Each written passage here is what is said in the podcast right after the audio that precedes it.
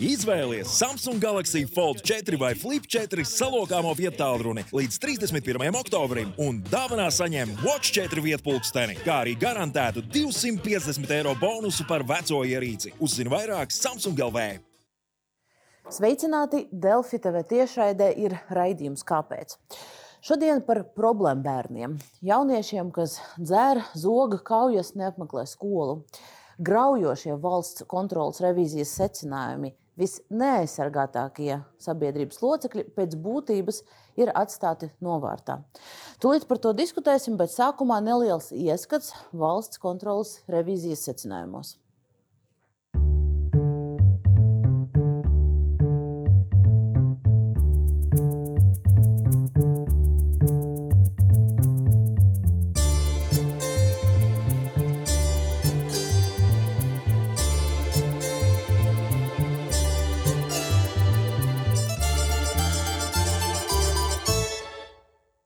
Valsts kontrole ir secinājusi, ka Latvijā problēmbērniem un viņu ģimenēm nepieciešamais atbalsts joprojām nav pieejams. Savukārt institūcijas un sabiedrībā valda vienaldzība, noraidoša attieksme un izpratnes trūkums par viņu vajadzībām un audzināšanu. Par problēmbērniem visbiežāk devē bērnus, kuriem raksturīga destruktīva rīcība, agresija un nepakļaušanās. Viņi pīpē, dzer, kaujas, zog un pārkāpj noteikumus. Šāda uzvedība ļoti bieži ir saistīta ar ārējiem apstākļiem. Ja ģimenē vai skolā bērns atrodas nedrošā vidē, piedzīvo traumas un vardarbību, bet viņa vajadzības un intereses palikušas novārtā. Tā vietā, lai sniegtu atbalstu un novērstu celoņus, Latvijā darbs ar problēmu bērniem vērsts uz viņu sodīšanu. Revizijā secinājusi valsts kontrole. Šā gada sākumā Latvijā dzīvoja nepilni 357 tūkstoši bērnu. Cik no viņiem ir ar uzvedības problēmām vai to iestāšanas risku, nav zināms. Bet saskaņā ar valsts kontrolas revidentu aplisēm 20. gadā Latvijā bija vismaz 10 tūkstoši problēmu bērnu, bet katram desmitajam pastāvēja risks par tādu kļūt. Pašvaldība rīcībā ir informācija tikai par nelielu daļu problēmu bērnu. To redzeslokā nonācis tikai katrs trešais bērns, kas izdarījis administratīvo pārkāpumu, un tikai katrs otrais, kas izdarījis noziegumu. Latvijā par bērnu uzvedības problēmu pamanīšanu un saulaicīgu atbalsta sniegšanu atbildīgas ir vairākas iestādes, bet pakalpojumi ir fragmentāri. Ar problēmu bērniem pašvaldībās galvenokārt strādā sociālajie darbinieki, psihologi, psihiatri un narkologi, bet uz šo speciālistu konsultācijām veidojas garas rindas. Bērnu uzvedības problēmu risināšana valsts līmenī vairāk ir deklaratīva un skaidras sistēmas, kā palīdzēt bērniem ar uzvedības problēmām, ja tīpaši pusaudžiem nav. Šāds lūk, apkopojums par valsts kontrolas revīziju. Šodien mums ir pievienojušies gan eksperti, gan to struktūru pārstāvi, kuriem būtu, kuri ir atbildīgi par šo sistēmu. Un stādīšu viesus priekšā Nikita Bezborodovs, bērnu psihiatrs, bērnu kliniskās universitātes slimnīcas, bērnu psihiatrijas klīnikas vadītājs. Labdien! Sveiki! Uh, Diana Jakaita, Labklājības ministrijas valsts sekretāra vietniece. Labdien! Maijā Boliņa, valsts kontrolas padomas locekle un arī atbildīgā par šo revīziju. Labdien! Kristīna Kinča, Latvijas pašvaldības savienības padomniece juridiskajos jautājumos. Labdien! Un arī Karls Mednieks, biedrības reziliences centras valdes loceklis. Sveicināti! Mēs sāksim ar mēģinājumu definēt problēmu un arī runāt par, par, par, tiem, par tādām pamatlietām.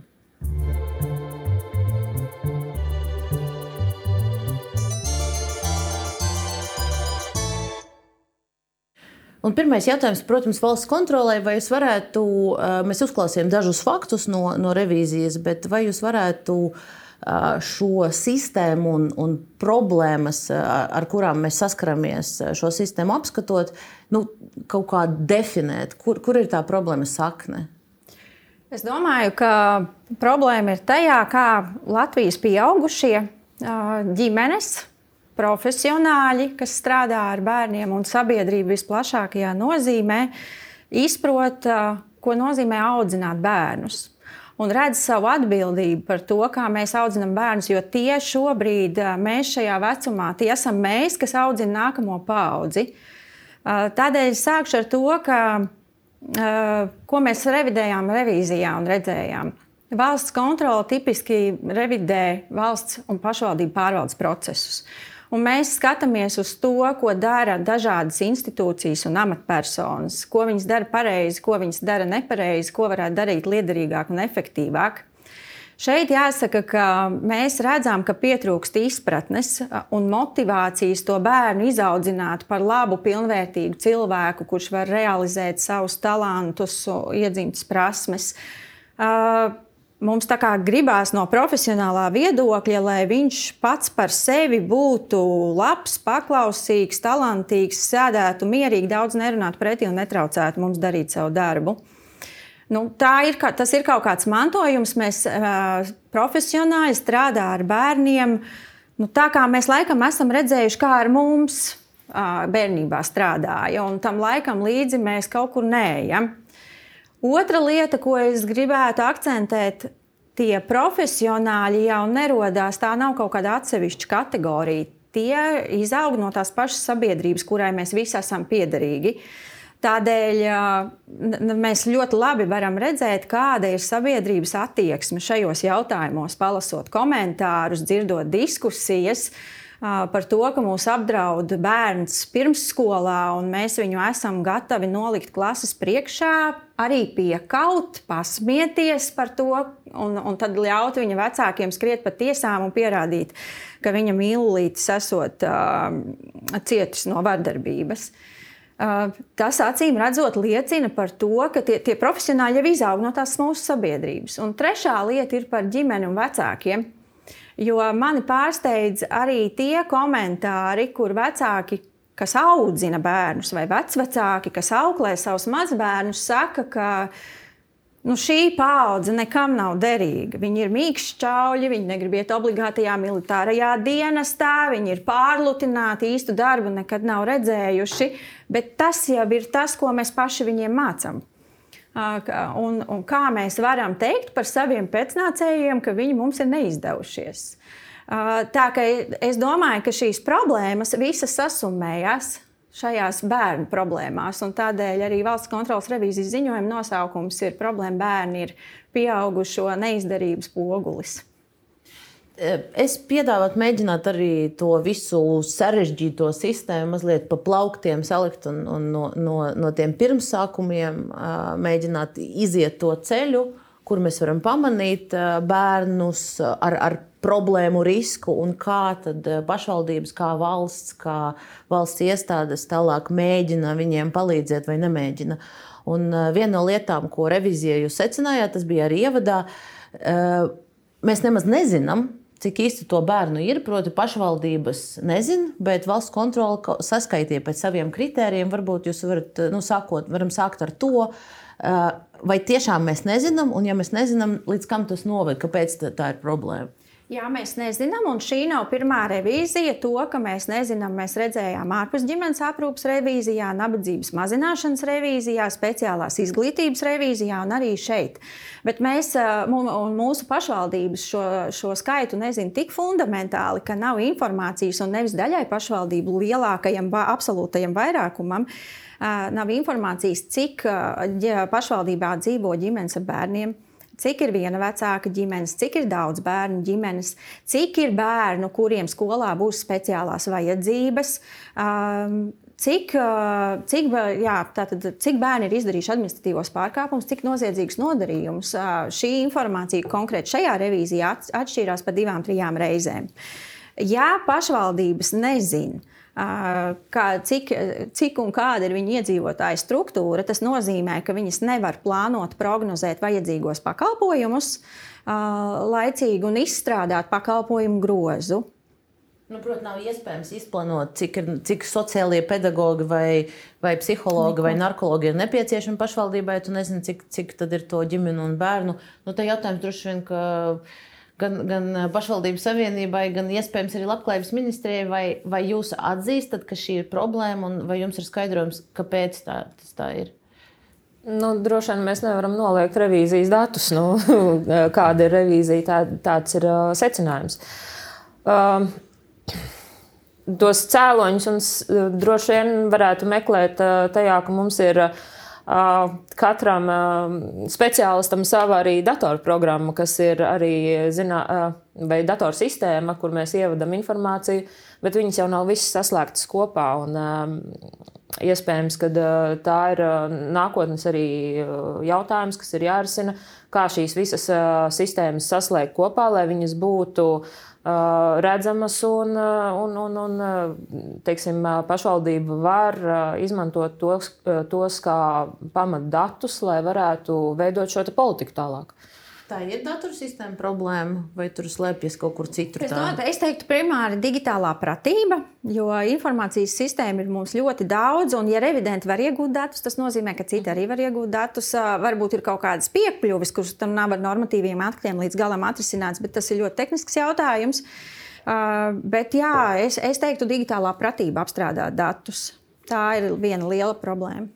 Es varbūt arī iesprāgšos izslēgt. Gribu eh, jau pateikt arī savu viedokli diskusijā. Es uh, pilnīgi piekrītu viedoklim par to, ka pašvaldībai tā nu, sava sociālā vide, kas ir pašvaldībā, ir jāzina, ir jāapzina. Un mums ir arī pieredze. Es tagad nenosaukšu precīzi pašvaldības, uh, baidos nokļūdīties, bet ir pāris, nu, vairākas pašvaldības, kas šo uzdevumu ir veikušas. Viņas pašas atzīst, ka šīs sociālās vidas izpēte ļauj patiešām labāku, mērķiecīgāku pašā pašvaldībā saplānot, kādus speciālistus mums vajag, kādus mums vajag pakalpojumus. Jo nu, tā vide pašvaldībā ir atšķirīga. Nu, būs pašvaldība, kur vairāk ir seniori vai, vai mazāk varbūt bērni. Ir pašvaldībā, kur ir daudz bērnu. Nu, ir atšķirīgi tas, kā tās pašvaldības pakalpojumus piešķir. Bet, Bet mēs pie datiem, es ātri tik par datiem vēl komentāru gribēju pateikt. Skaidrs, nu, dati nāk no dažādām sistēmām. Nu, kā piemēram, mēs varam jau pamanīt pirmās problēmas nu, apkārtējās vidas vai kādas problēmas bērnam pieņemsim pirmsskolā.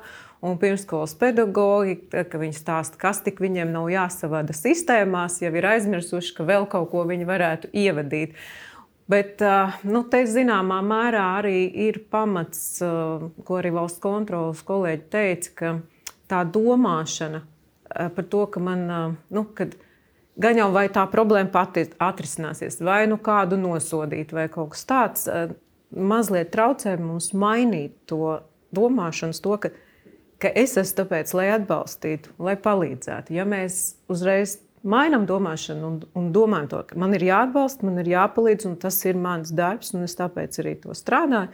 Tad varbūt arī attieksme, ko kuras ievedu, ar ko sazinos, lai šo problēmu risinātu, būtu citādāka. Bet tas ir, es nevienu negribu vainot, bet tas tāds sabiedrības mantojums mums tomēr ir. Jautājums ir par labklājības ministrijas jūsu pārstāvētā resora atbildību, jo, ja es pareizi saprotu, nu, un jūs arī teicāt, ka uh, Šī revīzija nav pirmā reize, kad eh, šī, šī problēma bija eh, definēta, Labklājības ministrija jau bija uzdots to atrisināt un motivēt pašvaldības, mudināt to saprast situāciju savā teritorijā. Šīs joprojām nav.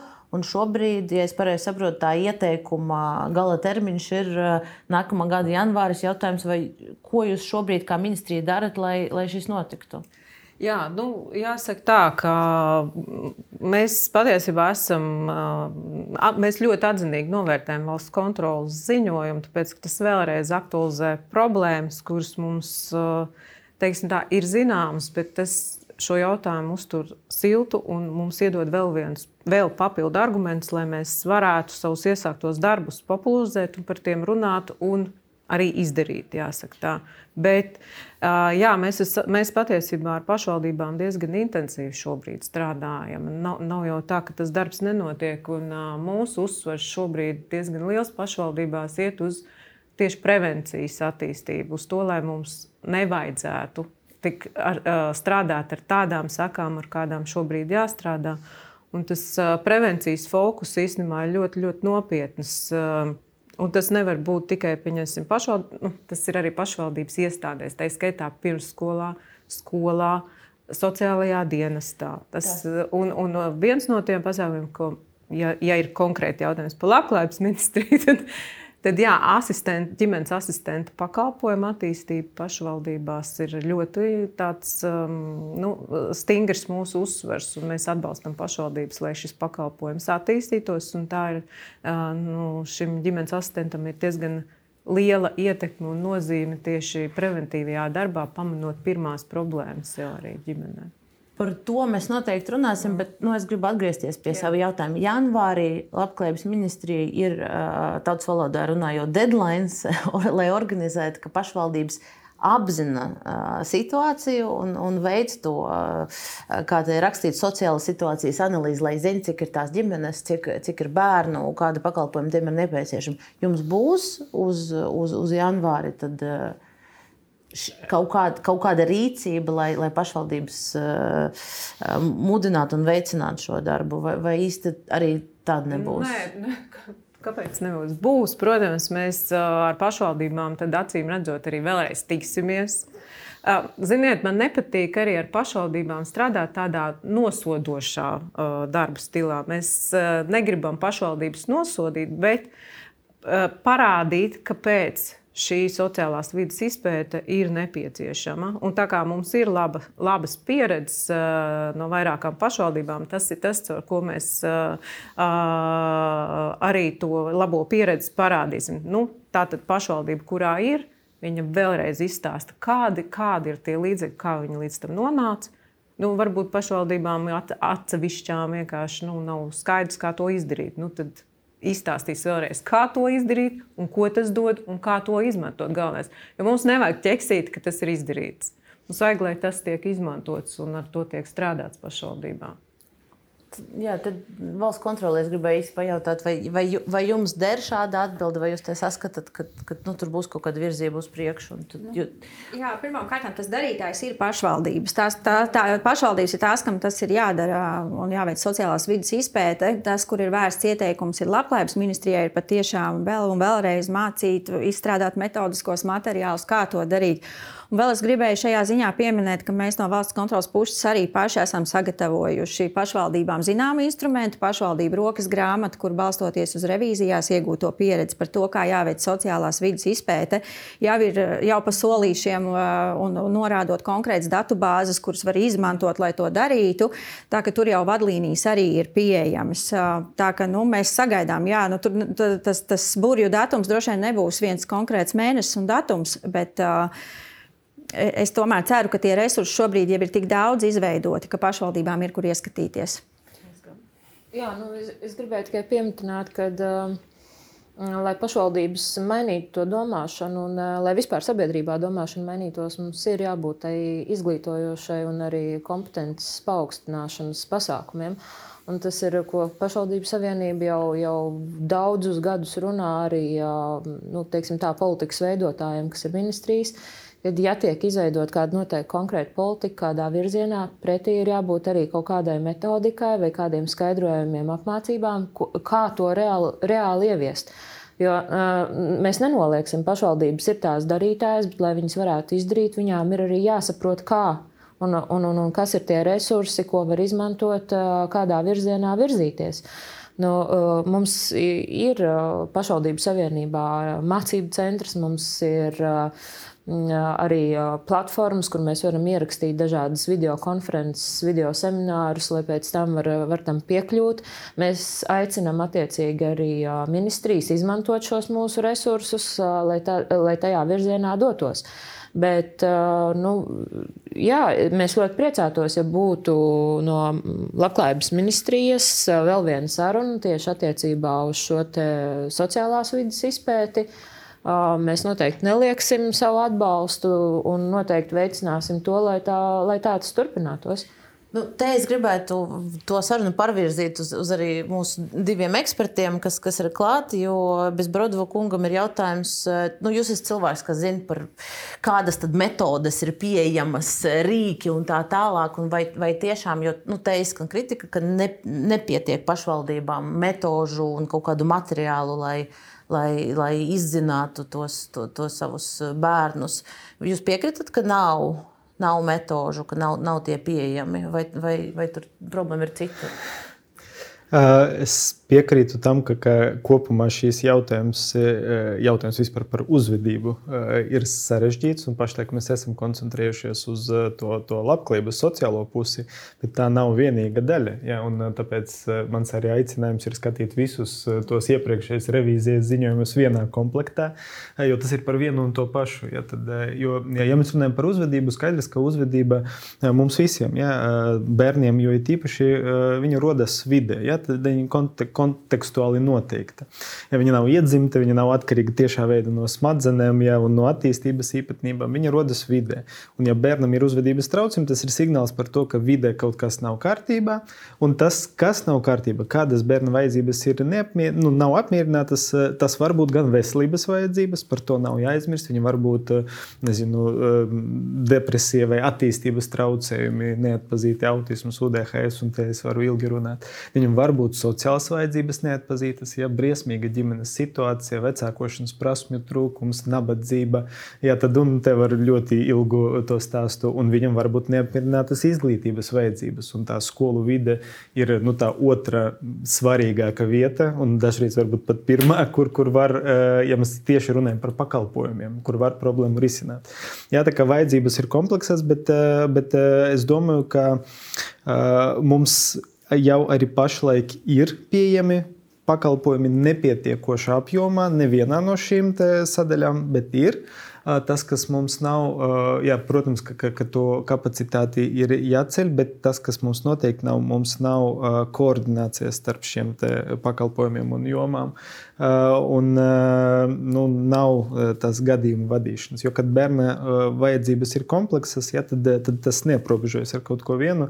Jā, tad tos resursus ir jāsavāc apkārt. Arī tos, kas ir, es esmu pārliecināts, ka varētu izmantot lietderīgāk. Jo no, no, no, arī no ziņojuma ir, ir tur bija minēta programma Stop 47. Mm. Proti, tā ir domāta, ja es pareizi saprotu, skolotāju izglītības darbinieku izglītošanai par. Tā ir bišķiņa, jo nu, atkal runājot par uzvedību, tad nu, es esmu pieredzējis runāt traucējumu kontekstā. Es runāju par uzvedības traucējumiem. Tas nav tad, kad bērns nu, vienreiz kaut ko ir izdarījis nepareizi vai pārkāpjas, bet eh, kad bērnam ir izveidojis jau noturīgs uzvedības stereotips, ka viņš atkārtoti pārkāpj uh, likumus, uzvedās opozicionāri, izaicinoši izkrīt no tām sociālām normām, jā, tad to sauc par uzvedības traucējumiem. Par uzvedības traucējumiem tas, kas ir skaidrs, ka ja tie sākas agrīni un daļai bērnu tie sākas jau pirms pubertātes vecumā, tad viņus ārkārtīgi svarīgi ir noķert un atrisināt tajā vecumā, jo tad to var efektīvi izdarīt. Un viens no tādiem potenciāli efektīviem veidiem, uz pierādījumiem balstītiem veidiem, kā var palīdzēt bērniem ar agrīni sākušies uzvedības traucējumiem, Latvijā tā ir Stop 47 programma, kas ir pamatā vērsta, nu, protams, uz vecāku prasmju stiprināšanu, bet nu, ideālā variantā tad ir bērns, tad vecāki piedalās un pirmskolas izglītības pedagogs piedalās. Ja? Tad, tad tas darbs ir tiešām efektīvs. Un man bija milzīgs pārsteigums pārsteigums no ziņojuma uzzināt, ka neskatoties uz to, ka tāda iespēja ir, ir Latvijai potenciāli pieejama programma, ir adaptēta, eh, var mācīties un, un ieviest to programmu, eh, kas ir efektīva. 80% pašvaldībās tā nav, šī iespēja nav izmantota. Lūk, Rīgas ir pašvaldības eh, finansējums, ir pašvaldības nepiesakās. Finansējums droši vien ir pašvaldību pusē. Finansējums diez vai ir kaut ko valsts kontrolē koordinācijas centram, cik es zinu, ir arī finansējums, lai šo programmu Ievies. varētu jā, piedāvāt pašvaldībām. Viss, kas pietrūkst, ir pašvaldība iniciatīva, lai pieteiktos. Tad, tad, tad es nevaru ir... jums pateikt par iemesliem, kāpēc uh, vienas vai citas pašvaldības to nav, nav izvēlējušās. Nu, dosim informāciju, varbūt tas kaut ko mainīs. Nu, jā, mēs, es, es iesaku šo virzienu, jo jūs, jūs argumentējāt, ka nu, problēma ir, ka nepietiek programmu, nav, nav iespēja mācīties. Un, lūk, es mēs redzam, ne... ka ir, bet pašvaldības ir neaktīvas. Es varbūt nerunāju vairāk par konkrētajām programmām. Es vairāk runāju tieši par, par ministriju izdoto politiku realizāciju pašvaldībā un par to, kā pašvaldības darbinieki var iegūt šīs prasmes, lai viņi varētu to, to realizēt. Ja mēs paskatāmies atpakaļ vēsturē, tas varbūt mazliet atkāpšos no šīs dienas tēmas, bet teiksim, deinstitucionalizācijas jautājumi, bērnu institūciju likvidēšana un bērnu pārvietošana uz ģimenisko vidi ja sākumā tam ir projekta finansējums, tad šobrīd tam, tas projekts pāriet tīri uz pašvaldības finansējumu. To, to mēs risināsim, varbūt iespējams. Jā, bet es, es vienkārši to kā piemēru, kad ir ideja, ir politika, bet to līdz galam novest ir jādara pašvaldībai, bet viņiem nav šo iespējamo resursu, lai to izdarītu. Bet mēs, mēs par šo, un šeit ir viens gadījums, kur tie resursi tomēr ir pieejami, bet nu, cerēsim, ka nodosiet šo informāciju. Uh, Mēs izrunājām nu, daļēji uh, problēmu ar, ar, ar, ar teiksim, tā, šis, šī loka neapzināšanu, bet, ja tiek izdarīts pārkāpums, bērns nonāk sociālā dienesta vai pašvaldības redzeslokā, un tad, un tad sanāk kopā speciālisti un domā, okay, ko mēs varam darīt, kā mēs varam palīdzēt, tad, uh, tad viens no tiem secinājumiem ir uh, revīzijā, ka lūk, uh, nu, drīzāk bērns tiek sodīts, nevis, nevis tiek meklētas iespējas viņam palīdzēt. Tad, uh, par šo tad, uh, mēs arī tūlīt parunāsim.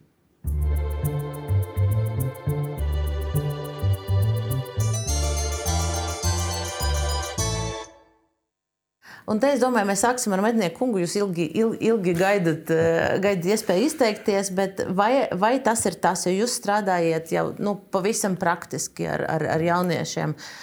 Lielākoties Rīgā, ja es pareizi saprotu, Jā, bet arī pareizi, citur. Bet vai jūs redzat eh, līdzīgu problēmu, ka tas, kas notiek ar, ar, ar bērniem, jauniešiem, kad viņiem rodas kaut kāda šī nu, nepieņemama uzvedība, ka viņi tiek sodīti un rezultāti tam ir, nav? Nu, nu soda sistēma kā tāda ir. Viņa jau pasaka pat par sevi. Sots ir vērsts uz sodīšanu, nevis uz uh, atbalstu sniegšanu vai palīdzēšanu. Tas jau pats vārds par sevi ir pateicis būtībā diezgan daudz, manuprāt. Nu, nu, tāda tāda pār, nezinu, pārmācīšana vairāk sanāk. Uh, un atbalsta sniegšana, jā, nu, mēs Rīgā darbojamies. Reslēnas centra darbojas Rīgā.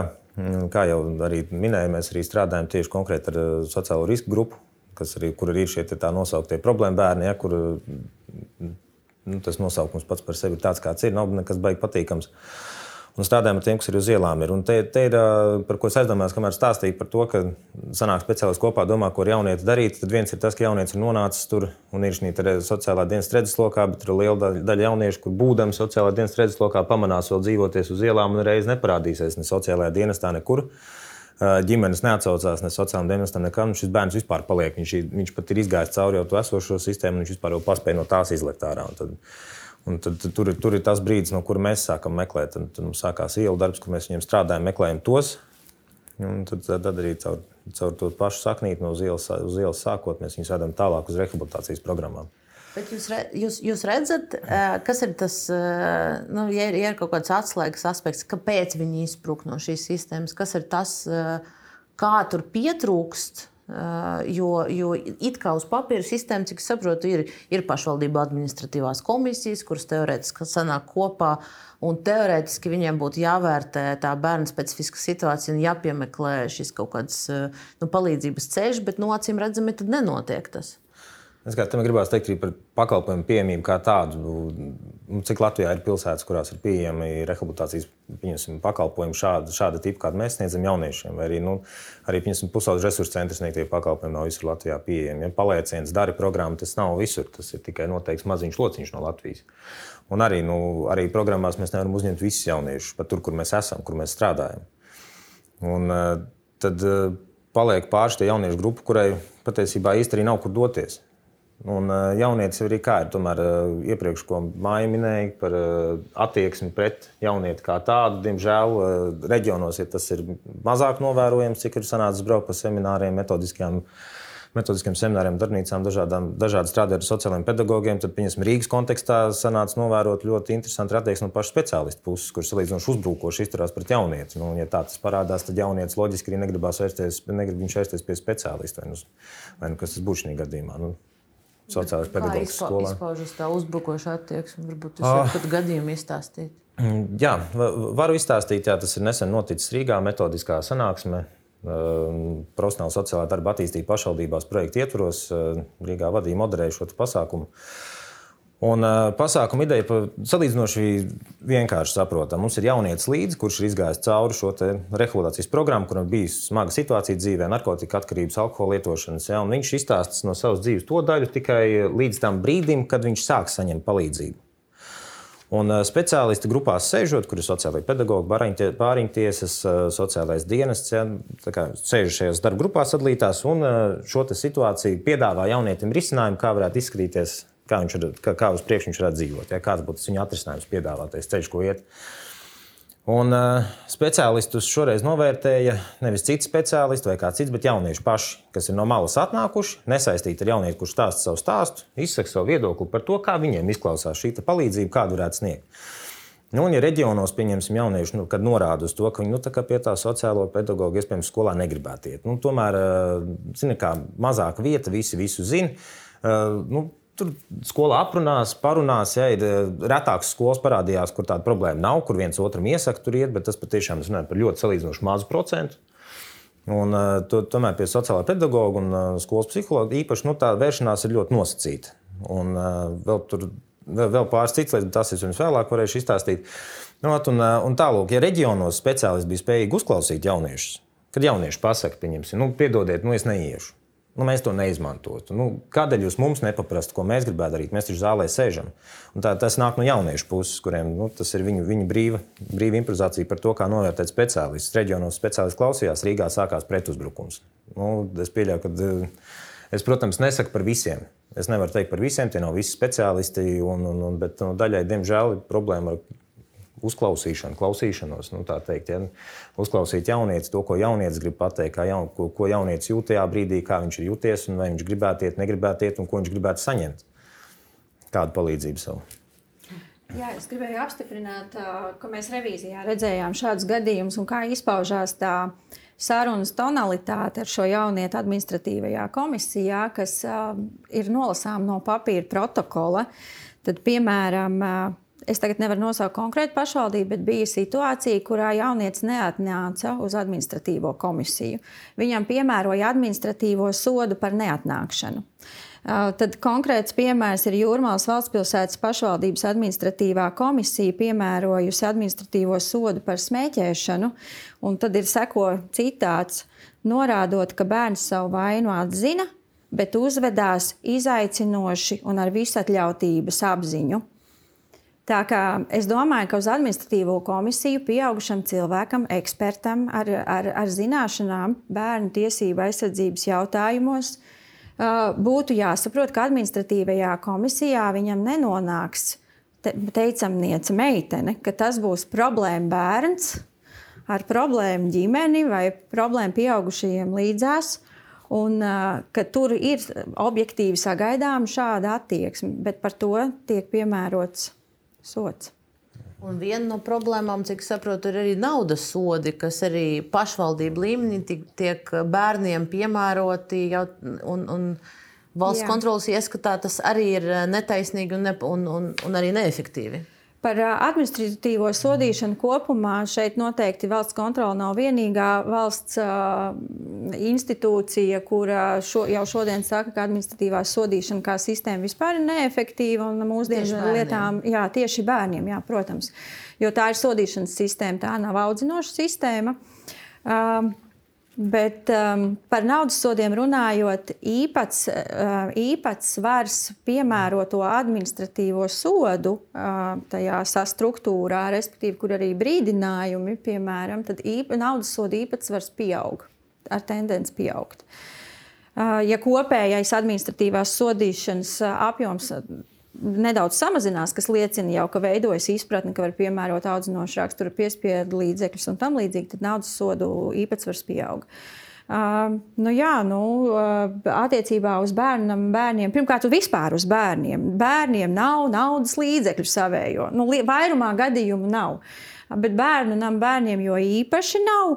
Un, uh, Tad, piemēram, atkal man ir piemērs Vēncpilsētas pašvaldības administratīvā komisija no protokola, piemērojot naudas sodu bērnam bērniem, ņem vērā, ka saskaņā ar likumu no septiņu gadu vecuma tiek izmaksāta kabatas nauda 16,35 eiro mēnesī. Un tā, un, un tā tad viņam ir sava nauda, un, un, eh, un šo sodu piemēro arī tad, ja bērns pats administratīvajā komisijā saka, ka viņam naudas nav, ka viņam nav vecāku, ka tad viņam būs jāiet pie savas māmas, kuru viņš nav redzējis nekad, un, un jāprasa viņai būs tā nauda un viena alga. Kas Un vēl par ir? Ko, par ko ir tie sodi? Tur Uh, nu, tie, tās uh, sodnaudas, nu, tās smēķēšana, alkohols, uh, nu, un tad sociālās uzvedības korekcijas programmas. Tur nebija konkrēti sodi, bet ir par. Uh, Ir par uh, konfekšu papīrīšu nepacelšanu sporta zālē, par sniega pikas iemešanu skolotājai. Uh, tad mums uh, tāds uh, kliedzošs piemērs ir, ka bērns apgūst uh, speciālās izglītības programmu jau tiešām bērniem ar, ar uh, garīgu raksturu problēmām. Un viņš uh, mācās uh, speciālajā izglītības programmā un izglītības iestādē. Viņš staigā pa jumtu un, un skrūvē ārā drošinātājus. Un, un šo jautājumu, neskatoties uz to, ka bērns ar šādām vajadzībām, šādā iestādē, viņam pie, iespēja piekļūt uh, sadalījuma skapim un jumtam, uh, izsauc policiju. Un, uh, policija, ja, ja es tagad pareizi no galvas atceros, šajā lietā četras reizes piemēroja naudas sodu. Uh, Jā, nu tad uh, alkohols, jā, narkotikās apreibinošās vielas, tas ir tipiski. Jā, Bet kas ir būtiski, kad šiem bērniem tiek piemērots ne tikai naudas sods, bet viņiem ir arī jāapmaksā alkoholis, alkoholisko vielu un narkotiku konstatēšanas ekspertīze. Tie uzdev, izdevumi ir vēl tie lielāki. ir simtiem eiro. Jā. Jā, tā kā arī tur. Nu, tad, tad pie mums programmā ir jaunieši, kas nonāk pēc šādas administratīvās sodāmības, jau salasījuši pa saviem gadiem, jau līdz 18 gadu sasniegšanai. Un, uh, tad īsi pirms 18 gadu iestāšanās no jauniešiem ir dzirdēts, ka es to tekstu. Man viss, es, es tāpat braukšu prom no valsts. Pie jautājuma, kādēļ atbild pavisam vienkārši. Man tu būs 18, man būs tiesa izpildītājs. Kāda jēga man vispār kaut ko tādu darīt, mācīties vai mēģināt? Man būs 18 gadi, man tiesa izpildītājs. Man viss, nu, konta būs cieta, naudu atņem, nav jēgas. Un tad jaunietis jau ir gatavs jau savā ziņā jau nobriedz uz to, ka viņam nākamā vieta ir uh, Nīderlandē ja? vai, vai, vai Īrija. Jautājums, eh, tas, droši vien ir bez Brodova kungam, ja, ja ir bērni, kuriem ir ā, šīs speciālas vajadzības un ir jau kaut kādas eh, nu, garīgas eh, veselības problēmas, un tad par to viņi saņem sodu. Nu, līdz kam tas noved? Kas ir tas rezultāts? Nē, nu es kopumā domāju, ka eh, te gan ļoti lielas atšķirības nav starp bērniem, kuriem ir kaut kādi nezinu, attīstības traucējumi vai īpatnības, un tiem, kuriem nav. Uzvedība tāpat ir atkarīga no tā, vai tā vide ir atbilstoša vai nē. Ja bērnam var būt nezinu, vidē smaga garīga atpalīdzība, ja vide ir atbilstoša viņa vajadzībām, viņam nebūs uzvedības traucējumi. Un atbilstoša vide iekļauj to, ka nu, nevajadzētu varēt piekļūt elektrības skapim. Ja, tā ir absolūti skaidra lieta. Ja, tad, uh, nu, jā, tā kā šeit būtisku atšķirību es neredzu, bet, bet kopumā nu, tā, tās pārdomas, kas man raisās klausoties, protams, ka tā ir filozofiska diskusija par soda mērķi. Kāds ir soda mērķis?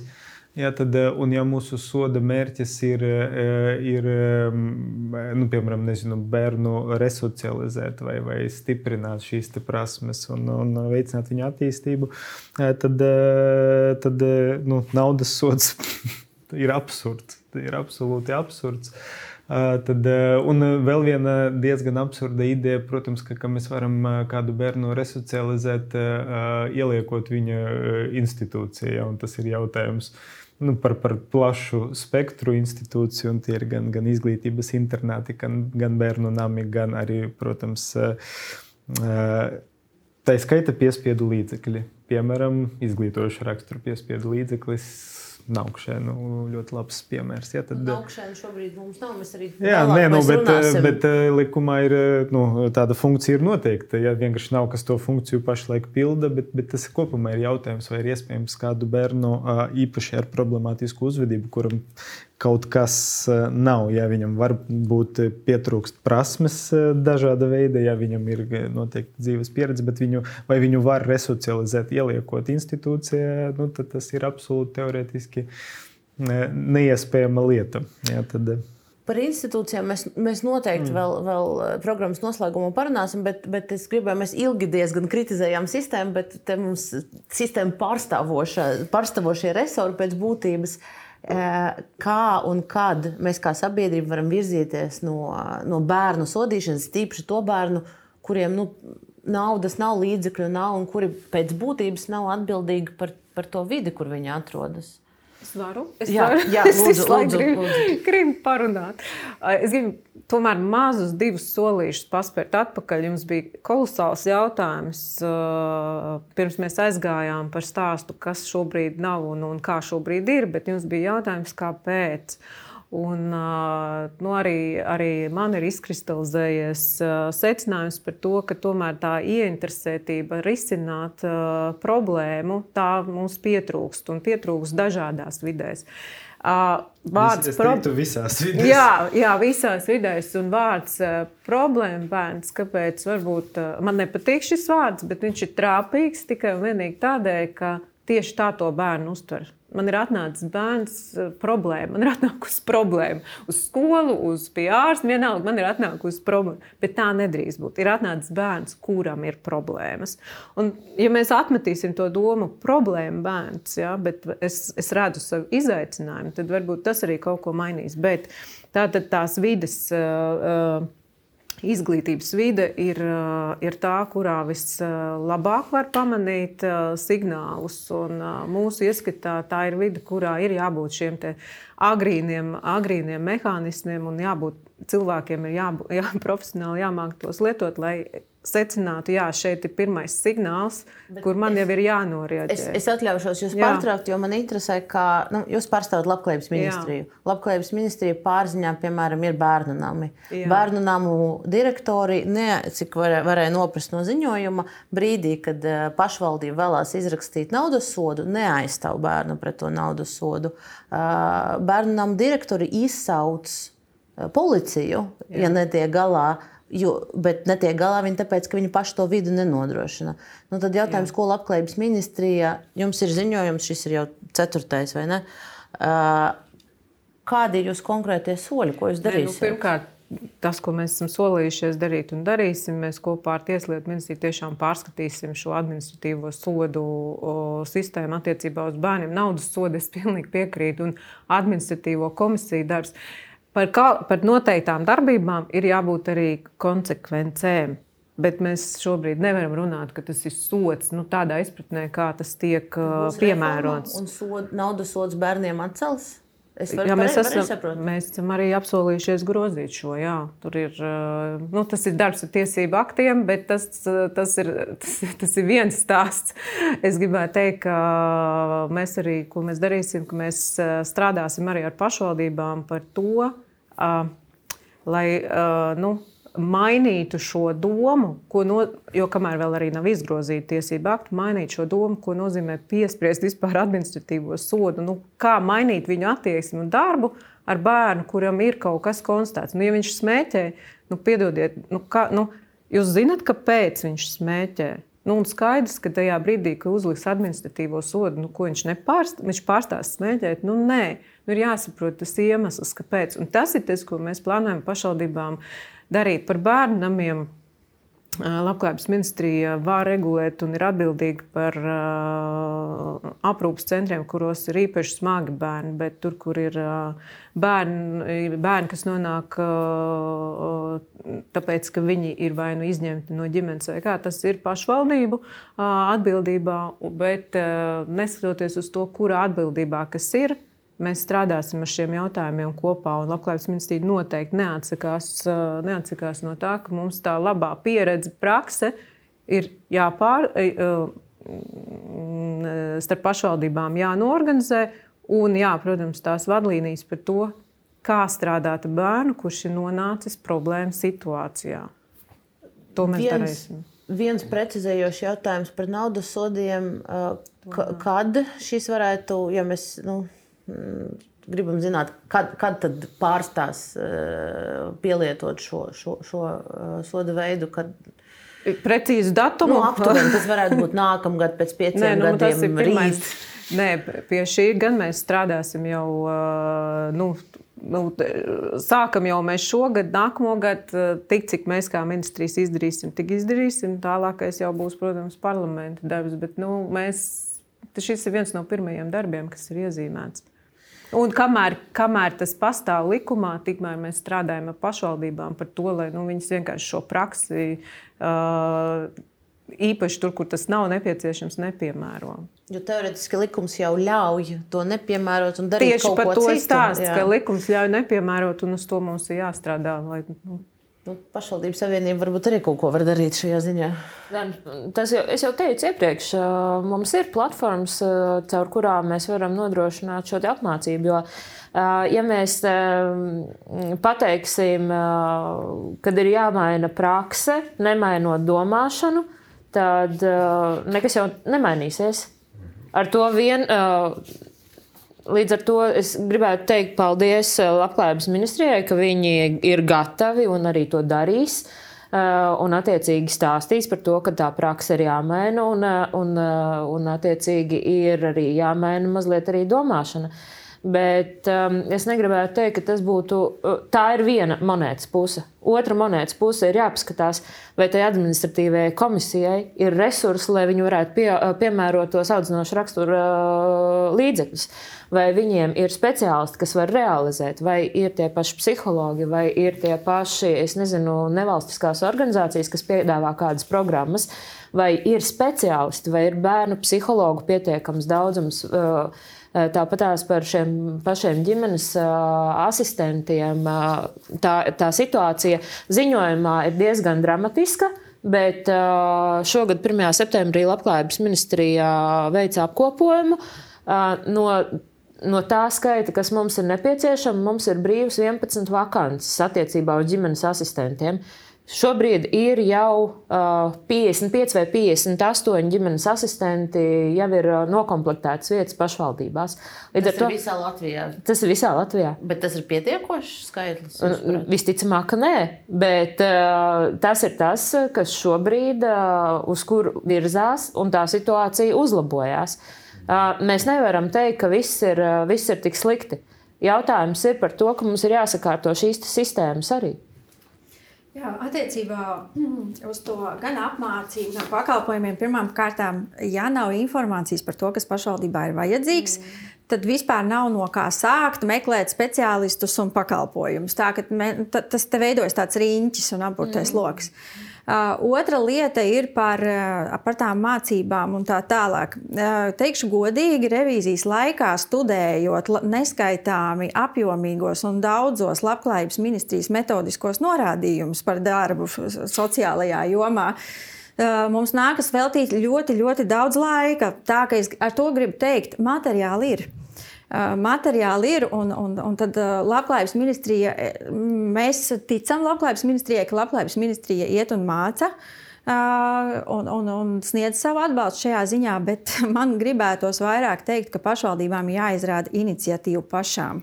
Un, un ka nevis tas, ka kāds atnesīs uz paplātes kaut ko gatavu, bet uh, arī pašvaldību vidū ir labā prakse, uh, Un jums ir iespēja arī pašvaldību vidē veicināt pieredzes apmaiņu. Tāpēc nu, par šo vajadzētu padomāt. Un man liekas, ka visām nevalstiskajām organizācijām, starp kurām es redzu arī piemēram pašvaldību savienību, Nu, jums, ja jums ir telpas, jums ir iespēja pieaicināt un, un, un, un mācīt un izglītot šo speciālistu, ja mēs visi redzam, cik tā problēma ir liela. Bet pašvaldību savienība jau to dara. Mēs, mēs organizējam, mums ir labās prakses apmaiņas.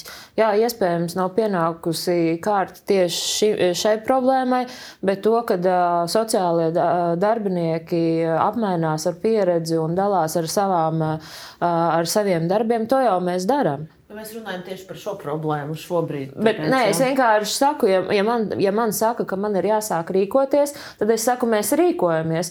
Uh, jā, es varu piekrist tam, ka ir jābūt iniciatīvai arī no pašvaldību puses par to, kuras, par kurām problēmām dalīties.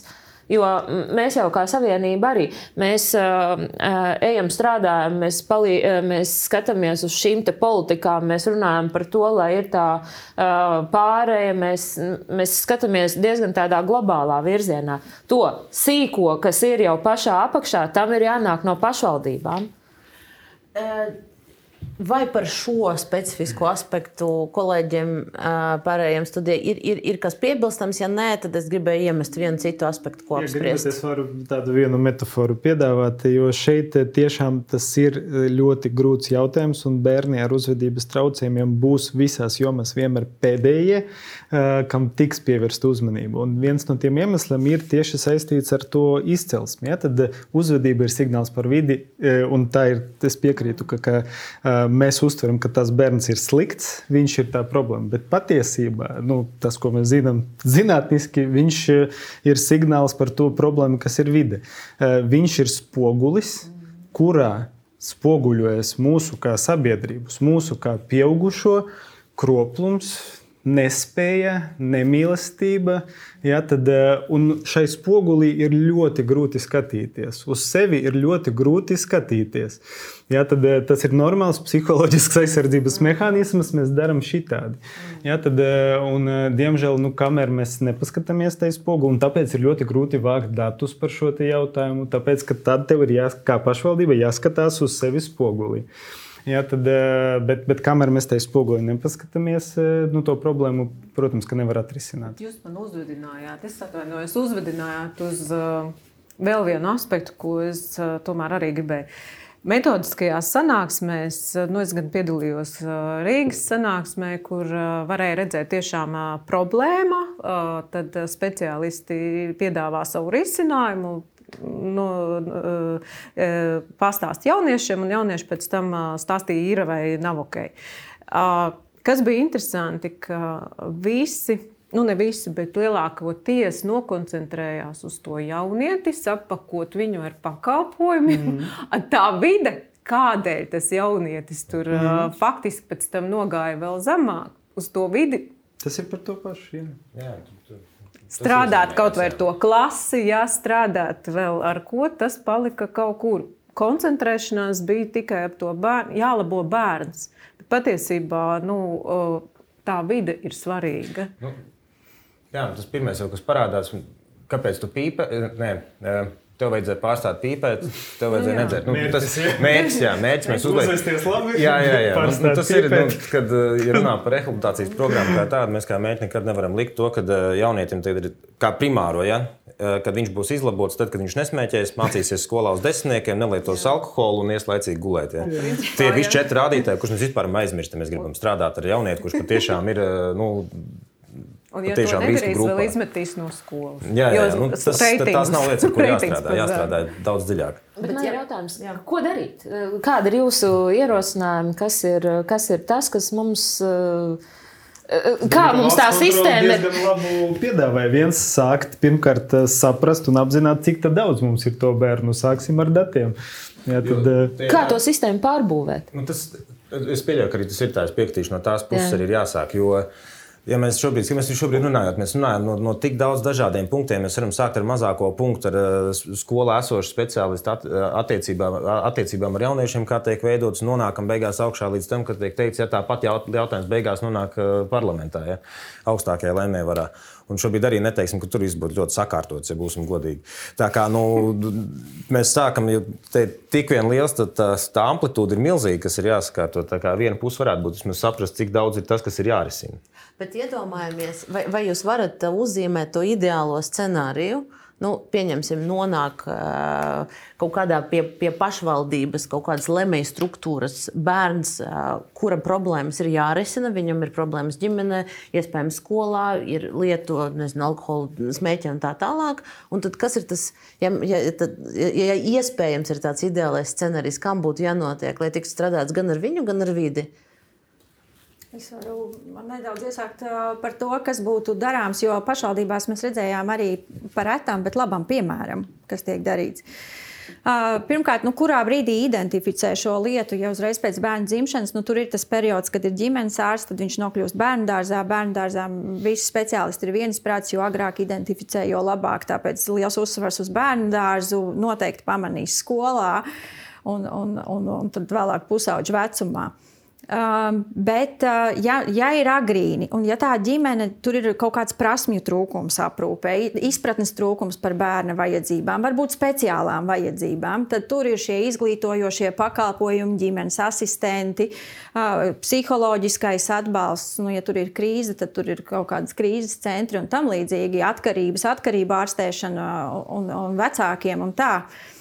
Uh, bet, uh, ja mēs paskatāmies jau bišķi, jā, nu, tad ir jābūt pakalpojumiem. Zinām, vajadzības modelējam pakalpojumus, un viņiem ir jānāk tajā izglītības iestādē, tur tas bērns atrodas, viņam tur ir jābūt, un, un visiem tiem pieaugušajiem atbalsta personālam, izglītības iestādē, pakalpojumiem no sociālā dienesta, viņiem ir jānāk tajā vidē, kur tas bērns atrodas. Uh, bet par tiem labajiem piemēriem vēlākā vecumā.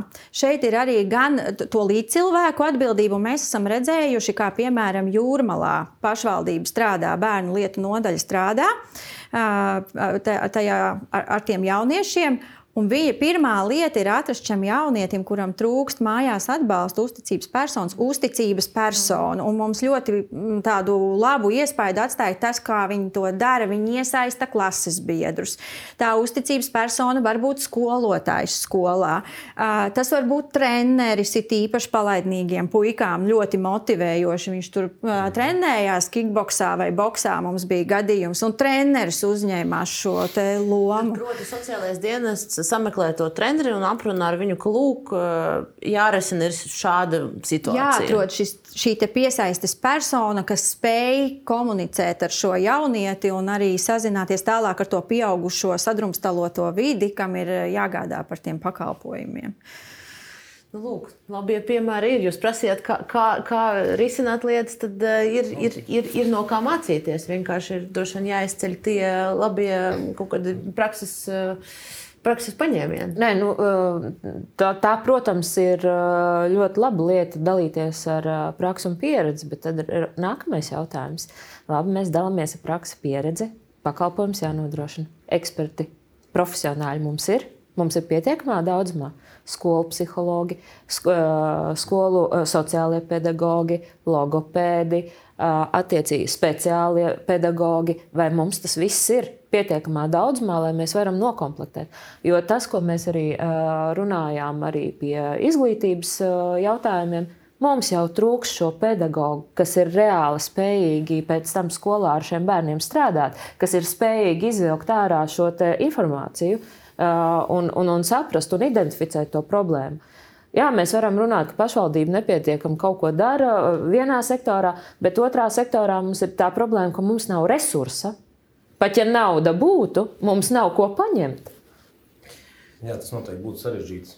Es, domāju, es, es nezinu, ja kā tā ir pieredze ar speciālistu trūkumu, bet, nu, ja mēs runājam par problēmu bērniem un riska grupu un smagiem gadījumiem, tad eh, cilvēki, kas strādā ar šā, ar tieši ar konkrētu šo grupu, Nu, es teiktu, ir salīdzinoši ļoti ierobežotā daudzumā. Vēl iezīmējās tas, ka mēs nevalstiskās. Jums pat Rīgā ir grūti atrast. Uh, nu, Rīga vēl ir tā vieta, kur vēl kaut cik, jā, tas speciālistu apjoms ir lielāks, bet nu, pat Rīgā iezīmējās tas, ka mēs nevalstiskās organizācijas savā starpā mēdzam uh, sadarboties ar vieniem un tiem pašiem speciālistiem.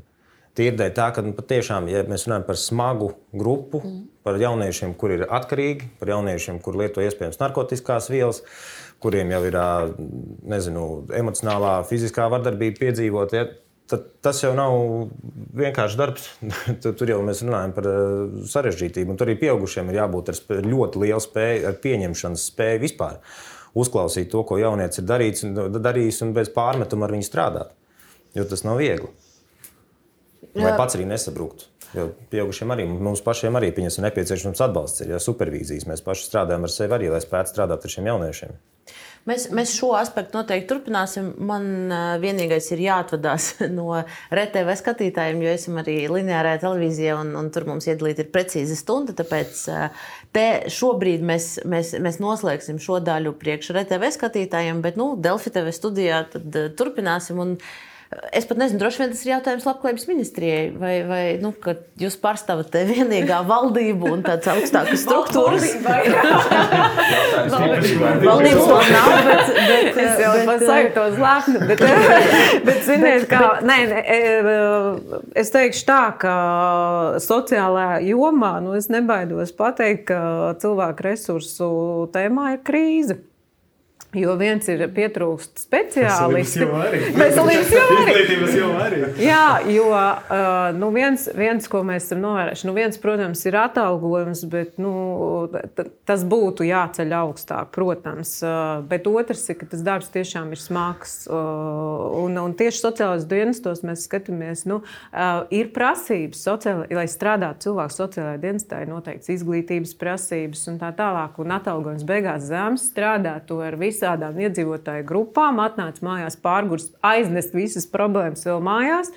Nu, jā, un, nu, bet negribētu teikt, protams, ka atalgojums ir tikai viena daļa. Nu, jāsaka, tā, mēs arī esam nolēmuši strādāt uz tādu nu, profesiju, mēs arī jau strādājam uz tādu profesiju, tā kā nu, prestižu celšanu, ja tā var teikt. Nu, motivēt cilvēkus, kas strādā sociālajā jomā, tas ir lepnums. Un, un, un, un, un tas ir mans arī sabiedrības devums. Un, un es varu tik daudz īstenībā patie, pats panākt tajā brīdī, kad es strādāju šajā jomā. Un, lai jaunie cilvēki izvēlās iet, apgūt gan sociālā darbinieka profesiju, tā tālāk. Nu, tas ir viens no darbiem, ko mēs jau darām. Bet jā, tā ir zināmā mērā tā ir krīze, tur mēs piekrītam. Un, domājot par jaunu pakalpojumu attīstību, nu, mums ir plānots uh, strādāt tiešām pie tādas ļoti specifiska pakalpojuma. Receptes man nav, bet darbs ir iezīmēts tieši priekš nu, tiešām tādiem nu, jauniešiem ar smagām jau uh, uzvedības problēmām un, un arī atkarības problēmām. Bet uh, doma tāda, nevis, ka mēs vienkārši Eh, pasūtām eh, pakalpojumu dizainu un īstenojumu, bet strādājam arī uz speciālistu, kas šādu pakalpojumu varētu sniegt, eh, nu, prasmju un, un, un zināšanu apgūli. Lai tiem cilvēkiem, kas ar to strādās, ir iespēja iegūt šīs papildu un specifiskās zināšanas, nevis vienkārši sniedziet pakalpojumu. Ja? Nu, Es jau jūtu, ka. Varbūt nu, komentāru par izmaksu efektivitāti. Jo, protams, skaidrs, ka, ka tiem jauniešiem ar ļoti kompleksiem traucējumiem palīdzēt ir grūti. Tas prasa Jā. milzīgus resursus, tā skaita finansiālus resursus, tā skaita speciālistu, kuru trūkst. Bet, uh, Bet šeit ir nu, tā problēma, ka, ka mēs joprojām uh, risinām uh, to problēmu, kad viņi jau ir radusies. Ja? Tad visi pētījumi, kas ir notikuši, uh, runājot par izmaksu efektivitāti, uh, uh, nu, parāda vienu un to pašu, ka daudz lētāk ir novērst problēmu nekā pēc tam viņu risināt, kad, kad viņa jau ir radusies. Bet, eh, nu, ja mēs eh, salīdzinām tos līdzekļus, ko mēs ieguldam prevencijā, ar, ar tiem, kurus mēs ieguldam eh, nu, pakalpojumus, kas ir domāti, lai risinātu jau samilzušās problēmas, nu, tad tur, tur ir ļoti skaidrs pārsvars. Ja, tad, ja kamēr mēs nemainām šo sistēmu, mēs nekad nevarēsim sagatavot tik daudz speciālistu, lai nosektu to vajadzību. Mums vienmēr būs deficīts sociālajā jomā, izglītības izglītības un veselības jomā. Un turpinot, turpinot jūs teikto, es gribēju piedāvāt noskatīties vienu nelielu intervijas fragment ar jaunieti vārdā Viestures Lācis. Viņš ir izgājis cauri SOS ciematam un ir ieguvis karjeru un šobrīd nu, ir ļoti veiksmīgs jauns cilvēks. Viņš stāsta, mēs, mēs sazinājāmies ar viņu un viņš pastāstīja, kā viņš nonāca SOS ciematā un, un kā tieši nu, tur viņam palīdzēja. Varbūt no tā mēs varam vēl mazliet paturpināt diskusiju, ko mēs tur saklausīsim tajā intervijā? Man ir tā kā uzaudzināja vecmāmiņa, un es biju ļoti hiperaktīvs. Un tā kā nu, ja ir 70 uh, gadi, tad ir ļoti grūti tikt galā ar šo hiperaktīvu bērnu, kur nu vēl kā, nodrošināt viņam visu, kas viņam nepieciešams, tur skola un tam līdzīgi. Nu, kā man stāstīja, es biju ļoti hiperaktīvs, nemācēju uzvesties skaļš. Uh, tāds, nu, nekāds. Man arī bija tur dažādas veselības problēmas, dēļ nepareizas ēšanas, un tas vēl visu pasliktināja. Un, jā, un tad, kad atnācu uz ciematu, tad uh, viņi tā kā veica kaut kādas korekcijas lēnā garā. Jo es sākumā, kad atnācu uz ciematu, tas bija bāzēts vienā maiņā. kurā šī tā teikt, sosmāma bija tāda, nu, tāda nekāda. Un tad uh, mani pārlika uz citu mājiņu, kurā bija cita sasmāma. Tad viņi tiešām sāka pievērst man uzmanību, tā arī nu, tur, nezinu, noliku stingras diētas, tur uh, dārziņā visādās tur programmās palīdzēja, nu, tā, tādā ziņā.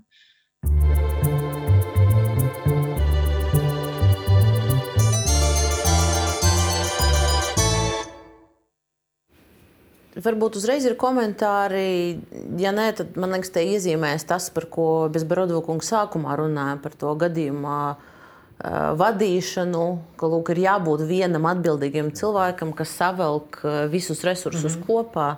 Jo bērns vai jaunietis pats nu, nevar aiziet pie visiem un noskaidrot, kas viņam pienākas un kas ir pieejams. Es domāju, ļoti vienkāršojot, eh, te, te var tā teikt, ka, ka nu, ja mēs runājam no, no palīdzības sistēmas puses, ir jābūt tam vienam eh, gadījumu vadītājam, kas, kas var nu, to sarežģīto sadrumstaloto, bet nu, nav tā kā pilnīgi neesošu resursu sistēmu eh, savilkt ap to bērnu. Bet vēl viena lieta, un tas, ko, ko Maija jau pieminēja, kas ir absolūti nepieciešams, ja mēs skatāmies uz pierādījumiem, ja tad, nu, kas, kas ir tas, kas pasargā tevi no tās negatīvas trajektorijas, pasargā no nezinu, dažādām problēmām, ir tās tuvas piesaistas attiecības ar vismaz vienu pieaugušo tavā dzīvē. Ja ir tas pieaugušais, kam nav viena alga, ja, tad par tevi, un nevienmēr tas ir vecāks, tas var būt arī sporta skolotājs, tas var būt sko, nu, nezinu, skolotāja vai vecmāmiņa vai, vai vienalga kas, bet, bet svarīgi, ka ir tas viens pieaugušais, un viņš nevienmēr un neobligāti viņam jābūt tam gadījumu vadītājam. Viņam, manuprāt, nav jābūt gadījumu vadītājam.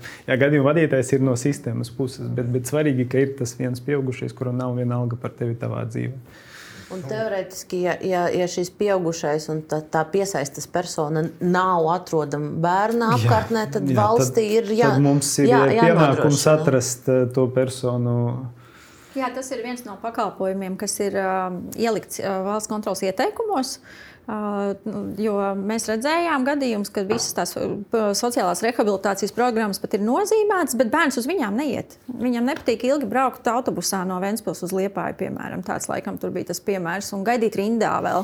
Viņām nav neviena, kas viņu motivē uz turieni iet, kas aizbrauc viņam līdzi pie tā speciālista. Tāpēc, jā, to mēs mentors, jeb atbalsta persona, kā pakalpojums, kuram ir jāiet komplektā ar sociālo. Es varu tikai vienīgi tam piekrist, tas nepieciešams. Es klausos, man sanāk, mums programmas ietvarā ir, ir, ir tā mazā sistēma, sanāk tādā veidā ir izveidot. Jums arī ir, mums ir trīspusējs darbs, pieņemsim, sākumā jau vien, lai jaunietis vispār programmā startētu, ir, ir, tas notiek trīspusēji. Esam mēs, ir jaunietis un ir jauniešu atbalsta persona kas ir trešais punkts, bez kura jaunietis pēc programmām patiesībā mums nevar startēt. Ir jābūt šim trešajam punktam, lai arī ārpus, eh, lai arī viņa ikdienas vidē būtu kāds cilvēks, kas viņu motivē nekrist atpakaļ eh, caurumā uz aizmugures laiku. Nu, tāpat programmas laikā ir atkritiena brīdis, bet uh, Jebkurā gadījumā tam cilvēkam ir jābūt. Un arī programmas pašā ietvarā katram jaunietim ir pieejams, mentora pakalpojums, kas viņam ir obligāts. Viņam ir mentors savs, mentors jaunietis pats izvēlās, kur viņš jūt kontaktu, lai būtu te, šī te iespēja viņam veidot kvalitatīvu saikni ar pieaugušu cilvēku, kas bieži vien jauniešiem trūkst īstenībā. Lielākā daļa tiem, kas uz ielas atrodas, ar ko mēs strādājam, Viņi pieaugušam cilvēkam vienkārši pamatā netic jau vairs. Nu, pieaugušs cilvēks, tas pieaugušs cilvēks, viņš ir off, viņš ir izsvītrots. Ja viņam ticēt nevar, viņš nav uzticības persona. Tad sāksim ar to pusi, ka to mēs nodrošinām, un tad tālāk jau nāk viss pārējais pakalpojumu kopums, ja, kas ir uh, speciālisti. Kas ir atkal nodarbību vadītāji, ja, kur mēs pie speciālistiem saprotam, psihologs, terapeits, psihiatrs nepieciešams gadījumā. Nu, ja jaunietim tas ir nepieciešams, nu, tur vesels tāds komplekss sanāk kopā, kas, kas jaunietim ir nepieciešams, ar ko strādāt. Un, un, un to jau viss man šeit, Nikita ar māju arī smuki uzskaitīja. Vai mēs varam uh, kaut kā nu, sagaidīt no, no valsts puses, ka uh, šīs darbs ar laiku, ar, ar, ar šiem bērniem tiks tā arī veidots, ka bērns nevis iet pa ceļu uh, pašvaldība, uh, administratīvā komisija, policija. Uh, un, un, un tālāk, iespējams, kāda iestāde, bet uzreiz no paša sākuma ir tas viens vai labākajā gadījumā divi cilvēki, uh, kas, kas pienāks katram bērnam, kuram rodas problēmas? Jā, nu, tieši no labklājības sektora viedokļa mēs pilnīgi mēs arī uzskatām, ka jaunietim vajag šo uzticības atbalsta personu. Man liekas, ka jūrmālas piemērs, kur pašvaldības sociālais dienests ja, ja varbūt bērni, jā, kur nostrādāja, nostrādā kā vidutājs, lai bērnam palīdzētu šo atbal, uh, uzticības personu atrast. Un es pieļauju domu, ka tas process nav tā, ka uh, mēs tagad tevi atradīsim, bet tas notiek kopā ar jaunieti, saprotot, kādas personas vispār viņa dzīvē apkārt ir un mēģinot tātad savest kopā, ka nu, tas notiek ļoti dabiskā procesā. Bet, bet es piekrītu, ka uh, gadījuma vadītājs tā tomēr ir cita persona. Jā, jā. Jo, uh, tas nevar būt viens un tas pats. Ko mēs plānojam darīt? Mums ir uh, divi virzieni. Viens virziens ir, ka mēs gribam šo atbalsta personu uh, izmēģināt divus virzienus. Atbalsta personu jauniešiem pēc ārpus ģimenes aprūpes, kas ir nu, zināmā mērā apmaksāts darbs, kur mēs riskējam, lai teiksim tā, ka uh, mums būtu jābūt pārliecinātiem, ka jebkurā gadījumā tas ir sirds darbs, un otrs ir, ka attīstīt šo uzticības atbalstu personu kā tādu nu, uz brīvprātības uh, principiem, protams, apmaksājot visu, kas līdz ar to iet līdzi, nu, aizbraukt uz kino, aizvest uz nomaksāt nu, kaut kādu nezinu, brīvā laika pavadīšanu kopā, bet uh, tas zināmā mērā Uh, nu, balstītos uz tādu nu, uh, vēlmi atbalstīt un tiešām pildīt šo pilsonisko savu, savu tādu līdzdalību. Tā kā šie divi virzieni, uz ko mēs uh, plānojam strādāt. Bet gadījuma vadītājs tas mums ir tāds strīdus punkts. Jā. Kāpēc strīdus? Kur viņš ir? Kur viņš ir? Jo okay. ir vesori. Nē, nu viņš ir pašvaldībā. Nē, nē, nu, diemdēļ, un to es arī piemēru esmu jau izmantojis mm. šeit pēdējās dienās. Nu, mūsu, piemēram, nu, mēs sadarbojamies ar, ar daudzām institūcijām, neizbēgami bērnu psihiatrijas klinika. Man ir ļoti labs iespējas, piemēram, par to, kā darbojas valsts probācijas dienests. Ja, tad, nu, kad bērns beidzot izdara to, to kriminālu sodāmu vai, vai citādi, jā, tad, nu, tad, un kad tiesa viņam, nu, viņam ir piešķirta eh, probācijas uzraudzība, nu tad beidzot ir kaut kāds viens eh, cilvēks, tas probācijas darbinieks, kas ir gadījuma vadītājs un kas, kas, eh, kuru uzdevums ir savilkt. Un, nu, tas ir viens no iemesliem, kāpēc viņi darbojas. Un tur ir notikusi šī filozofijas maiņa par soda mērķi jā, tad, kas citās jomās varbūt nav īsti notikusi. Un tad, eh, un tad eh, tiešām eh, nu, tam var būt ļoti labs rezultāts. Bet, bet nu, mēs nevaram visiem noteikt probāciju. Es varbūt piedāvātu, jā, paplašināt probācijas dienas. Ļaujam, lai dabīgā ceļā nonāktu. nu, to, to, to gan negribētu. Nē, to gan negribētu. Bet, ziniet, man liekas, probācijas dienas darbs parāda, cik būtiski nozīme ir speciālistam zinošam. Jo probācijas dienestā tiešām strādā ļoti zinoši zinošs personāls, un tur ir Jā. ļoti liels uzsvers uz, uz tiešām cilvēku prasmu zināšanu. Ir brīvprātīgo darbam. Tieši jo... tā. Jā, nu, tas ir parāda tādu ļoti labu piemēru. Tāpēc nevelti mēs sakām, ka speciālisti, kuri strādā ar, un es negribētu teikt, problēmu jauniešiem, ar jauniešiem, kuriem ir dažādas problēmas, ja, ka viņi ir zināmi. Man liekas, ka tajā piemērā, es uz turieni nāku, bet piemēru varēja droši vien redzēt visur. Um, tas, ko viesturs, ja nemaldos, bija vārds puisim, kā viņš stāstīja par savu dzīvi pirms nonākšanas pie sosmāmas. Es nemācēju, es nedarīju, es ne, ne, ne. ne. Nu, tā viņa jau, um, nu, es no, es no sirds neesmu psihologs un psihiatrs, bet es nolasīju, ka viņš, uh, uh, nu, bija, no, viņš, es biju slikts Bet varbūt viņš nebija slikts, viņam vienkārši bija aktīvāka uzvedība un tā tālāk. Bet viņš jau ar sevi bija kā ar nosodījumu noprezentēja. Mm, Pēc tāpēc, tam, ka, ka tas ir tas, ko šie bērni dzird. To, ko laiku. viņi dzird, jā, nu, tieši tā. Nu, un, tā un, tas, un tas jau ir tas sliktais, ka viņš jau bija ar tādu savu nosodījumu. Un sociāliem tā arī, protams, jā, parādās viens, ar ko neizveidojās kontakts. Un, parādoties par, nu, tam, ar ku, kuram ar viņu ir kontakts, dzīve pilnīgi mainās. Un atrast to pareizo personu, tas ir sarežģīti. Tas nav tik vienkārši. Nu, atkal jautājums pašvaldībām, vai, vai mēs varam, nu, tā, tāds, ir, tāds ir tas darbs, eh, bet, bet vai, vai mēs varam uh, iet uz to, ka katram bērnam, kurš, kur, kuram ir iespējams nepieciešama palīdzība, uh, uzreiz parādās konkrēts šis gadījuma vadītājs, konkrēts cilvēks, kas visu par viņu zina. Un tālāk palīdz tikt pie, pie pakalpojumiem un saprot, kas tur vispār ir jāpiesaista. Es nevaru pateikt, ne jā, ne nē. Es varu tikai pateikt, ka uz to ir jāiet, lai tas tā būtu. Bet uh, tas ir tas, kas, nu, ko arī uh, Brodokungs teica, nu, ir jāpavērš tā, tā, tā, tie svaru kausi uz to, kad ir prevencija. Nu, uz to mēs ejam. Jā, jā nu, uz to mēs ejam. Bet, Dabūt, tad jau, Nu, tas, vismaz, jā, jā. tas, tas jau būtu daudz. Jau. Tā ideja, ka tā ir piramīda. Jūs jau saprotat, ka kā, nu, tāda kaut kādā skaistā nākotnē būtu jābūt tā, ka lielākā daļa resursu ir. ir un tas ir visās jomās. Tas pats ir veselības aprūpē. Nu, mēs milz, milzīgus resursus tērējam uz, uz ļoti mazu ā, gabaliņu, bet ā, patiesībā mums būtu jāiegulda milzīgie resursi un tas ir visās jomās. Bet nu, vismaz līdzvērtīgi. Jā, tas, tas jau būtu milzīgs sasniegums. Jo, nu, ir jāteikt, par gadījumu vadīšanu. Es, es pie sevis domāju, es nezinu, kā jūs domājat. Nu, ci- Cik, cik cilvēkiem, cik jauniešiem vienlaicīgi viens cilvēks var būt gadījuma vadītājs? Tas atkarīgs no tā, cik komplekss ir Jo, problēmas. es, es vienkārši zinu, mū- mūsu programmas ietvarā sanāk, ka būtībā maksimums, kas vienam cilvēkam ir nu, loģiski sociālais darbinieks, kas ir attiecīgai grupai vadīt, viņš arī ir šis situācijas vadītājs. Ja, un tur ir 15, un tad uz, uz pusgadus, kad divas programmas vienlaicīgi aiziet jaunā un vecā, tad ir 30 cilvēki uz, uz, vienu, uz vienu. Un tas jau ir tas ļoti daudz. Un tad slēdzās klāt, mums ir papildus vēl kolēģi, kur pie gadījuma vadīšanas slēdzās papildus klāt jaunajai grupai, jo tas ir ļoti komplekss. un Veselības aprūpe tas ir līdzīgi nu, pacientiem ar ļoti kompleksiem ā, traucējumiem, nezinu, psihotiskiem, schizofrēniju un, tā- un tā tālāk. Kaut kur ap 15 Jā, tas... cilvēkiem vienam gadījuma vadītājiem, kas, kas nu, citās valstīs ir parasti medicīnas māsa, kas mūsu gadījumā nav resursi. Jā. diemžēl, jā, diemžēl šis ir Jā. cits jauns diskusijas atzares. Man, man jūs jāpatrauc, jo mēs mazliet esam, esam jau izgājuši ā, ārpus ā, raidījumam atvēlēt laika, bet jebkurā gadījumā ā, es pasaku paldies visiem viesiem.